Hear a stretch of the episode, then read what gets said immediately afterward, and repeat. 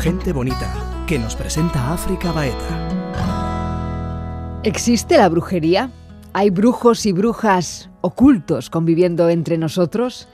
En Vitoria-Gasteiz se encuentra la Escuela Ecos del Norte. Es una escuela de brujería dirigida por Mónica Fernández.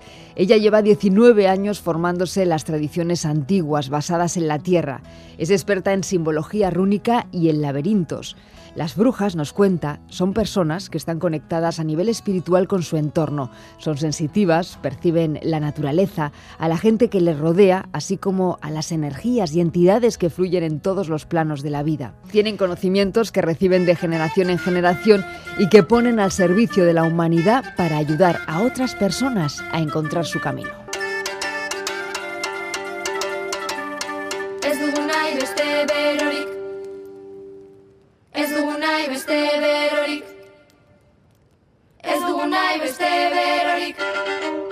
¿Qué eres o quién eres?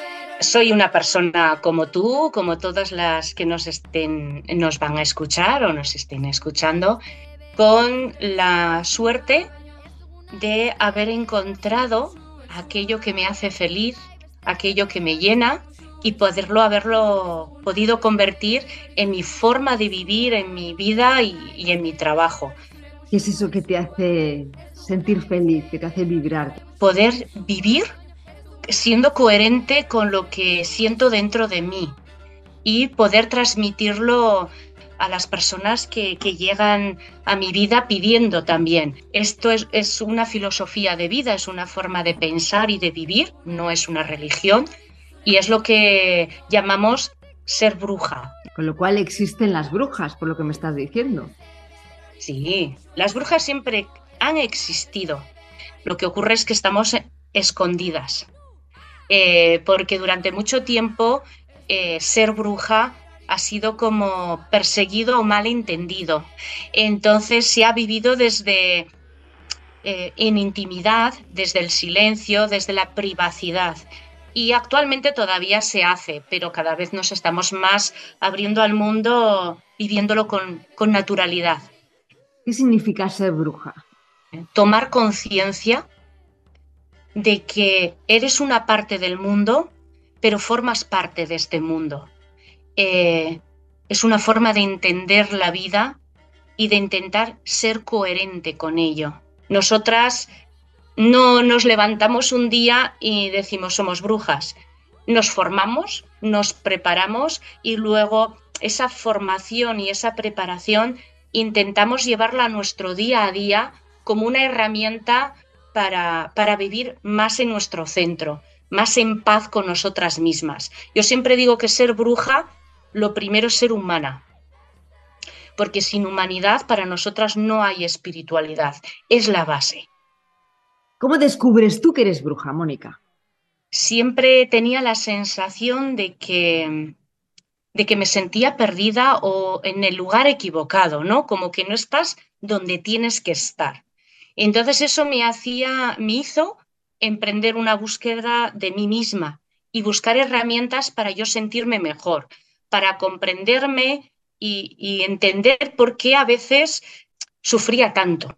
Eso me llevó a, pues bueno, a un sinfín de formaciones, de encontrar personas increíbles que me fueron dando peldañitos. Llegué a un lugar maravilloso en Cianuri, aquí cerquita, donde empecé a estudiar druidismo, a formarme. En esa formación conocí a una mujer de Inglaterra que se llama Jackie Wynne, de Glastonbury, y fue química. Cuando me conoció me dijo, es que mira, tú ya eh, puedes ponerle el nombre que quieras, puedes hacer mil formaciones más, pero es que el nombre que a ti te define, eres bruja. Tú has nacido siendo bruja y solo necesitas hacer las paces con ello. Bueno, me dio la risa en ese momento porque, claro, eh, dije, ¿qué me está contando esta mujer? Eh, pero fui entendiendo, fui entendiendo, eh, fue llamándome cada vez más y tuve una conversación con mi abuela y mi abuela se reía y me decía, está muy bien que hayas tenido que recurrir a alguien de fuera algo que yo te llevo transmitiendo toda la vida, ¿no? Explícanos qué es el druidismo y qué es lo que aprendiste. El druidismo viene de los druidas de, de Inglaterra, del mundo celta. Eran los maestros, eran maestros, sacerdotes, filósofos, astrólogos, eran hombres sabios que todavía existen. Yo llegué a esa escuela de druidismo para formarme en laberintos. Es una herramienta, en realidad es un pictograma que aparece en toda Europa y en, bueno, los laberintos pertenecen a todas las culturas del mundo. El laberinto concretamente que yo aprendí a trabajar es el laberinto de Mogor, que está en Galicia. Y Mogor es como se llama el pueblito donde aparece este laberinto. Es el laberinto cretense. Es una herramienta que tú utilizas físicamente para caminar en ella. Eh, ¿Qué haces? Entrar dentro de ti enfrentarte a tus propios miedos, a, tus propias sombras, a tus penas, tus tristezas. Es caminar el laberinto, es reencontrarte. Y eh, la persona que te guía, lo que te ayuda es, pues es como una especie de, de guía del camino para que tú no te sientas totalmente solo o perdido en el camino. Siempre hay alguien ahí que te acompaña sin interferir en tu viaje, pero apoyándote energéticamente para, que, para sostenerte durante tu proceso. Cada camino tiene correspondencia con un elemento. Eh, los elementos son lo que crean el universo y la vida. Son los cuatro elementos. Aire, fuego, agua y tierra. Sin esas cuatro cosas no existe la vida. Entonces, cuando tú entras en el laberinto y vas caminando por él, vas tomando conciencia y contacto, más que conciencia, contacto, despertando en ti uno de esos elementos. El agua son nuestras emociones. Entonces, conectas con lo que está pasando dentro de ti. El aire es tu mente. Te permite darte cuenta qué tipo de pensamientos o qué hay que no te permite avanzar el fuego es el valor, es la acción, es hay un camino que el fuego es transmutador. Eso que no te permite avanzar en la vida te ayuda a resolver y a transmutarlo. Y luego está la tierra. La tierra es súper importante porque la tierra es donde tú y yo caminamos y materializamos todos los demás elementos en la vida. Es muy importante para nosotras y nosotros.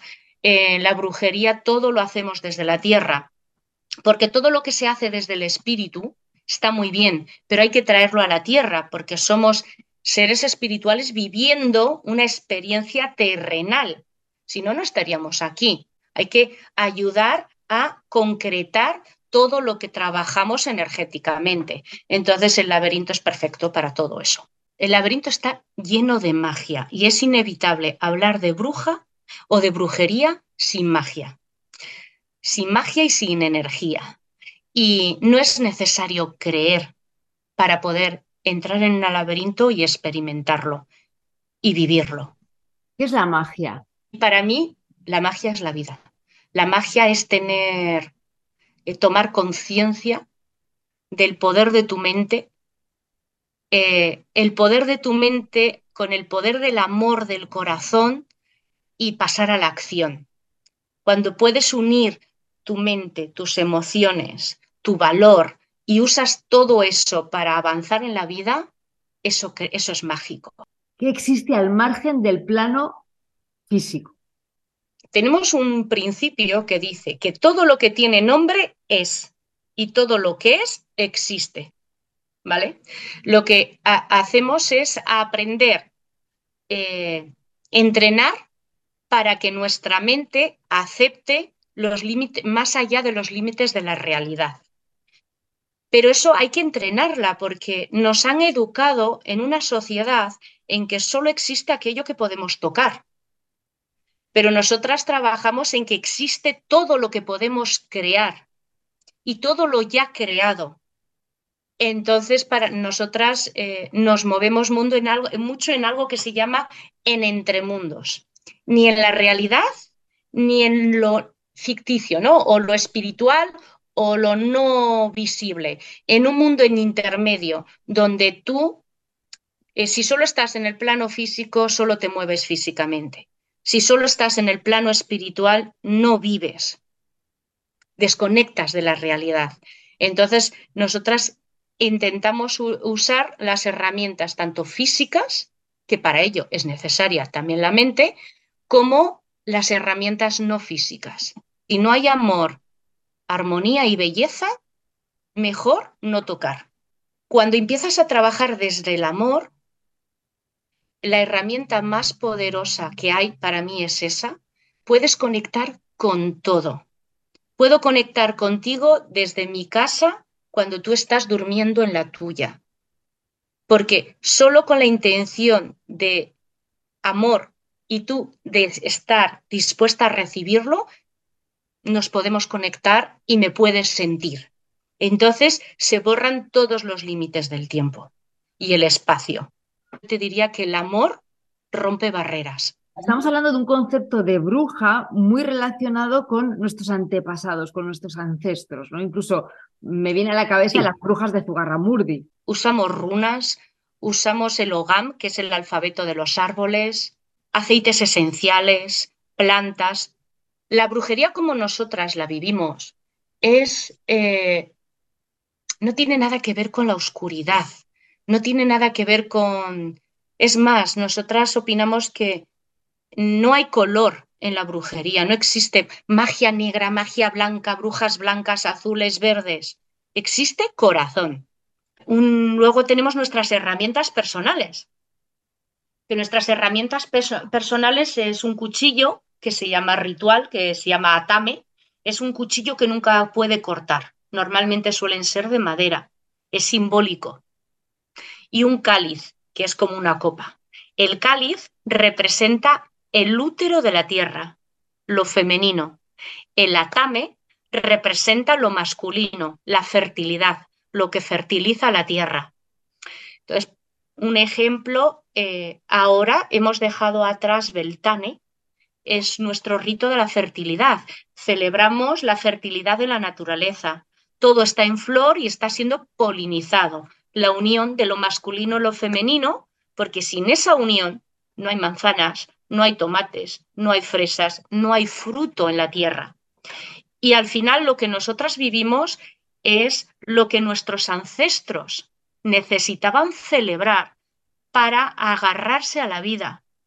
No tenían supermercados, ellos dependían totalmente de la tierra, de que la tierra fuera fértil, de que lloviera lo necesario, de que hiciera el sol necesario cuando correspondía.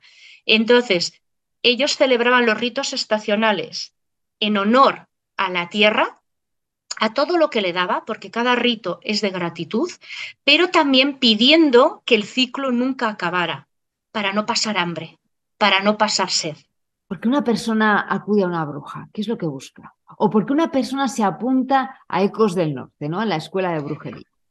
Las personas que acuden a Ecos del Norte acuden porque quieren reconectar con la vida porque se sienten separados de la naturaleza y necesitan volver a sentir, yo suelo decir que el suelo bajo sus pies. Lo que se está buscando es llenar un vacío, un vacío que no te lo llena el salir con tus amigos, eh, tu pareja, tu trabajo, es un vacío del alma. Entonces yo eh, creo que lo que se está buscando es eh, conectar contigo mismo, contigo misma con esa esencia, a un plano eh, más allá del material. Ecos del Norte, como escuela de brujería, lo que primero te va a enseñar, sobre todo en el primer año, es a escuchar la naturaleza, a que tomes conciencia en qué momento te encuentras y lo que está ocurriendo fuera. Y que te des cuenta que lo que está ocurriendo fuera, tú no estás separado, que te está ocurriendo dentro. Un ejemplo. Es muy fácil eh, poner el ejemplo del otoño, cuando ya llegamos en septiembre, que nos da un bajón increíble. Todo el mundo piensa que es porque se acaba el verano. El verano no se acaba en septiembre. El verano ha empezado a acabarse en el solsticio de verano, que aquí lo celebramos con las hogueras de San Juan. Las hogueras de San Juan celebramos el día más largo del año. Si es el día más largo del año, ¿qué va a pasar al día siguiente? Que empieza a cortarse, que empieza a entrar el otoño. En realidad la tierra se prepara. Y si tú tomas conciencia de lo que está viviendo ella, tú te preparas para lo que está por venir. Entonces, eh, llegas y solo fluyes, no tienes que confrontar porque estás totalmente desconectada de la vida. Entonces, Ecos lo que primero te va a enseñar es, mira, no eres el ombligo del mundo. El ombligo del mundo es el planeta tan grande en el que estamos. Tú eres una pequeña parte súper importante, pero para que no sufras tanto, tienes que empezar a conocerte. Entonces, el primer año es conocer los ritmos de la Tierra, los elementos, o sea, las bases de una bruja, de lo que es el camino de la brujería, como la entendemos, y conocerte a ti con ellos. O sea, conocer tus emociones, conocer cómo piensas y cómo en vez de usar ese pensamiento sea te, desborde, ¿no? Que a veces no podemos controlar nuestra mente, aprender a vivir con él y gestionar tus pensamientos, a sentir tu cuerpo, que esto es, ese concepto es increíble porque en la sociedad en la que vivimos, nuestro cuerpo, que es nuestro templo, es la casa con la que vivimos y nos vamos a ir con él. No lo respetamos, no lo amamos, no lo queremos.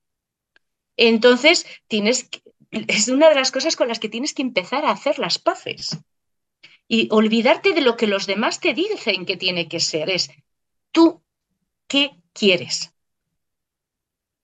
Y con lo que tú quieres, empieza a decidir y a quererte tú. No te tienen que querer los demás. Si tú te quieres, los demás inevitablemente vas a desbordar tal armonía que van a querer pegarse a ti. ¿Qué es para ti la vida? Ay, la vida es, bueno, a mí la vida me parece maravillosa. Yo siempre he dicho que encarnarme en la tierra ha sido una de las, es una de las experiencias más bonitas. La vida es vivirla. Para mí la vida es una escuela, un proceso donde te va dando un sinfín de experiencias que te permiten construirte. Y, y vamos, y no escatima. Yo siempre a veces eh, vacilándole, bromeando con mi marido, le digo, no busques, que de por sí la vida ya te proporciona experiencias.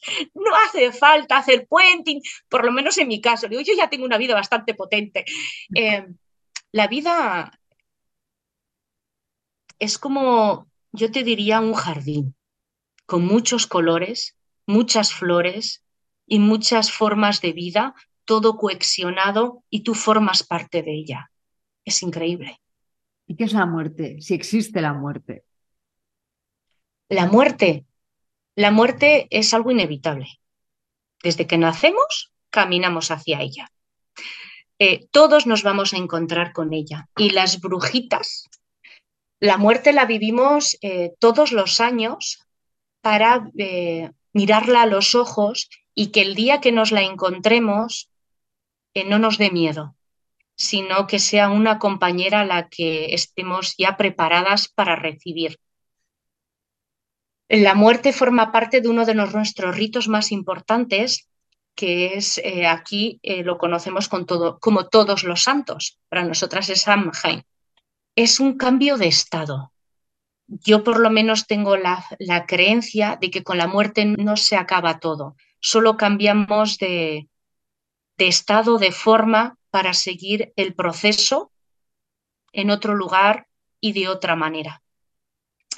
Creemos en las reencarnaciones y en vidas pasadas. Entonces, la muerte solo es un eh, soltar el hogar con la casa con la que has venido para, puede ser que te toque volver, puede ser que te toque ir a otro lugar a seguir experimentando en otro espacio, en otro momento la muerte yo creo que es necesaria.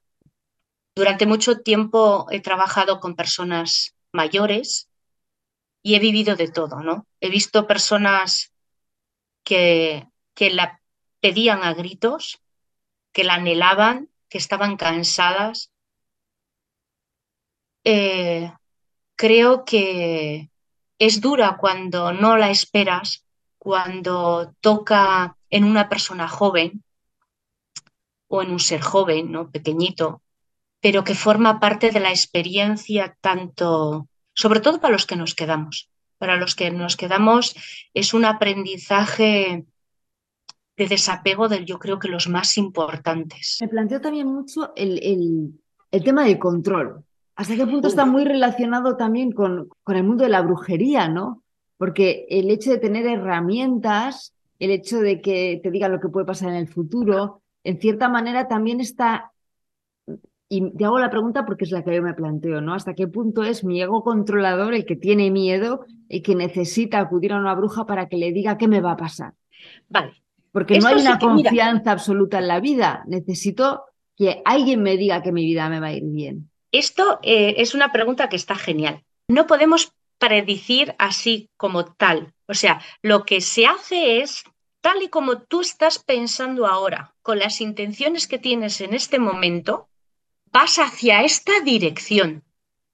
Date cuenta de la diferencia. No es predecir el futuro, es el rumbo que tú estás eligiendo tomar.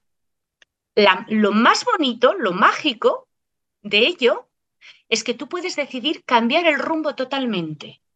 O sea, si yo trabajo con las runas, y me dicen, en la dirección en la que vas, vas a acabar en Madrid, imagínate, viviendo, y yo no quiero vivir allí para nada, ya sé que tengo que cambiar el rumbo de mis decisiones para cambiar ese destino. Esto es muy fácil. Yo tengo una anécdota muy bonita que es de una persona que iba a coger un avión. Esto no me pasó a mí, me lo contaron, ¿eh? uno de mis maestros. Y eh, trabajando con un oráculo le recomendó cambiar el día de su viaje, no cambiar el viaje.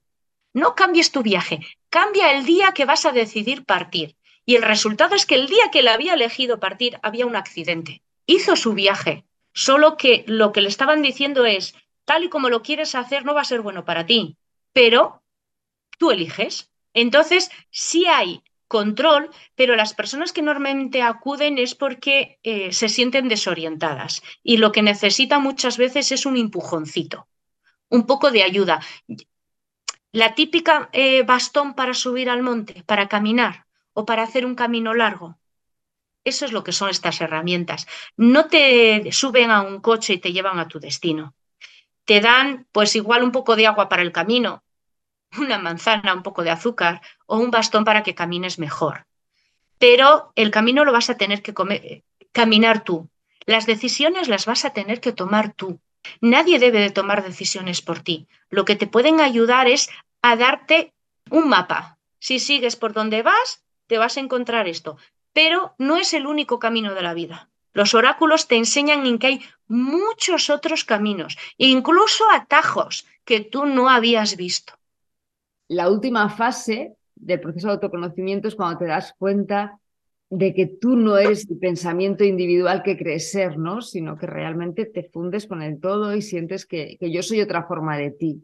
Mira, nosotros a eso le llamamos la red de Wirth. Y ahí es cuando me surge la duda precisamente de hasta qué, hasta qué punto le das mucha eh, importancia a tu, a tu vida personal, individual, desde el personaje, cuando piensas que vas a reencarnarte, que tienes una meta, que tienes un propósito, cuando realmente desaparece África como tal y te pones al servicio de la vida y la vida fluye a través de ti, tú desapareces como identidad. Sino que confías en la vida y la vida te lleva, ¿no? Entonces las prioridades de África desaparecen. Y cambian, claro. Pero África no desaparece. Mm. África se convierte en una herramienta de la vida uno de los, eh, de los trabajos más bonitos que hacemos es cuando decimos, permíteme, padre, madre, ser tu herramienta para llevar a cabo, pues, este trabajo que estamos haciendo. Que al final es muy fácil caer en el yo he sanado, yo te he guiado. No, no, yo no te he guiado. Tú has tomado decisiones el resultado, si ha sido bonito, es de tus decisiones. Yo solo he estado aquí para que tú te apoyes en un momento dado de tu camino, pero no es mérito mío. ¿Y cómo puedes saber si ha existido o no han existido vidas pasadas? Nosotras lo trabajamos con regresiones. A través de ese trabajo te dan pistas que te ayudan a sentir si realmente es así o no. Y luego, eh, claro, esto también es muy subjetivo, pero cuando haces una regresión, por ejemplo, a tu infancia, donde tu madre te corrobora eso que tú has escuchado, has vivido, o hay fotos, ¿por qué no va a ser cierto cuando la regresión es a otra vida? Entonces aprendes a confiar y ya está. y fluyes. Lo que antes decías, por ejemplo, de que todos eh, nos fundimos y dejamos de perder un poco nuestra identidad, nosotros tenemos un concepto que se llama la red de Wirth. Es como, imagínate, una tela de araña energética donde nos conecta a todos con todo. Cuando Mónica deja de existir, esa, el hilo conductor que conectaba a Mónica contigo tiene que repararse. Por eso se sufre, porque tú notas una desconexión, una ausencia de ese fluir entre tú y yo. Y por eso también es tan bonito cuando en Samhain cenamos con nuestros antepasados, porque nos ayuda a recordar que no se han ido del todo. Hay una expresión que es muy bonita, que mientras mis hijos existan, yo existo a través de ellos. Entonces, también tiene que ver mucho con lo que hablábamos antes del dolor, ¿no? Es esa ausencia que notas, ese vacío de repente de ese hilo conductor que te unía a ese ser, que ha desaparecido y la red de Wirth se tiene que restaurar y, y el dolor va a durar hasta que se repare y tú también la repares para que pueda volver a fluir la vida. ¿Se siguen celebrando aquelarres? Un aquelarre en realidad podemos llamarle aquelarre, grupo, círculo, coven. Es cuando todo el grupo se une, da igual la edad o el nivel de formación o de conocimiento, nos reunimos para trabajar. Normalmente es celebrar, pero a veces hay que hacer una sanación, hay que hacer una bendición o algo que me parece súper bonito, que es un rito de paso. Eh, entonces, una aquelarre es una reunión de todos para ponernos a trabajar de forma que seamos uno solo. Es todos nos unimos en un solo propósito, con una sola voz y una sola intención. Para ello hay mucha complicidad y hay mucho trabajo detrás para que eh, no debe de haber egos, no debe de haber eh, Mónica, Teresa o Ángela. No, no, no. Allí todos somos todos tenemos un solo propósito, que es el motivo de nuestra reunión. ¿Qué se hace en una aquelarre? Pues en una aquelarre normalmente lo que hacemos es poner en práctica nuestro conocimiento con un objetivo. Bien sea celebrar, como he dicho antes, que es súper importante, bien sea sanar o cuidarnos entre nosotras. Ahora, por ejemplo, estamos preparando los ritos de paso de anciana, tenemos varias ancianas dentro del grupo y lo que vamos a hacer es hacer un rito eh, íntimo donde vamos a celebrar que ellas tienen ya eh, ese estatus, ese reconocimiento de todas nosotras como las más sabias del grupo. ¿Cómo eres capaz de ver los seres que nos pueden llegar a rodear del mundo espiritual? No es algo que yo lo haya trabajado, es algo con lo que yo nací y no encontraba explicación de por qué me pasa. Una de las cosas que hizo buscarme para poderme entender, comprenderme y, súper importante, aceptarme. Puedo escuchar cuando alguien que ha fallecido cercano y quiere despedirse de un familiar me dice, no, es que todavía no me he ido, que es que tengo que decirle esto, imagínate. Igual hay veces que no le veo, pero sí le puedo escuchar como te puedo escuchar a ti. Yo durante mucho tiempo pensé que yo donde mejor estaba era la séptima planta del Hospital Santiago, o sea, en psiquiatría. Pero hasta que aprendí que no, que esa no era la solución, medicarme, porque daba igual que estuviera medicada o no, eso pasaba. Hay veces que sí les puedo ver y los podría describir, pero no me pasa cuando yo quiero. Pasa cuando tiene que pasar. Yo eh, me he dado cuenta que yo diría que soy como, sabes que tienes una radio y hay muchas emisoras. Pues creo que hay eh, varios seres espirituales que están en la misma emisora de la misma frecuencia que soy yo. Y entonces por eso nos podemos escuchar y ver. Pero si hay alguien que está en otra frecuencia, pues no. O sea que no lo veo todo ni lo escucho todo. Gracias, por Dios, ni lo quiero. Pero eso nació conmigo, no, no es algo que yo pueda... Y es algo que tampoco, fíjate, ahora me ha salido como mucha naturalidad, pero no es algo que yo tampoco suelo compartir así a los cuatro vientos. Mónica, ¿cómo podríamos terminar esta entrevista? Mira, a mí mi herramienta y la de muchas personas que me rodean es la brujería. Pero hay muchísimos caminos, muchísimas filosofías con otros nombres. Lo importante es que encuentres la tuya, que encuentres eso que te nutre y que te hace feliz, que te da fuerza para que te levantes cada lunes y abordes el mundo. Da igual qué nombre tenga. Si lo has encontrado, Sé fiel a lo que tú sientes, no a lo que los demás te digan. Y para adelante. No mires atrás. Sigue adelante y intenta ser feliz. Porque la vida es corta. Parece que no, pero es corta. Cuanto más felices seamos, más hermosa y, y más felices vamos a hacer a todos los que nos rodean. Muchas gracias, Mónica.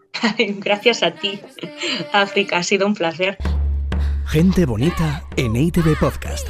Escúchanos y suscríbete.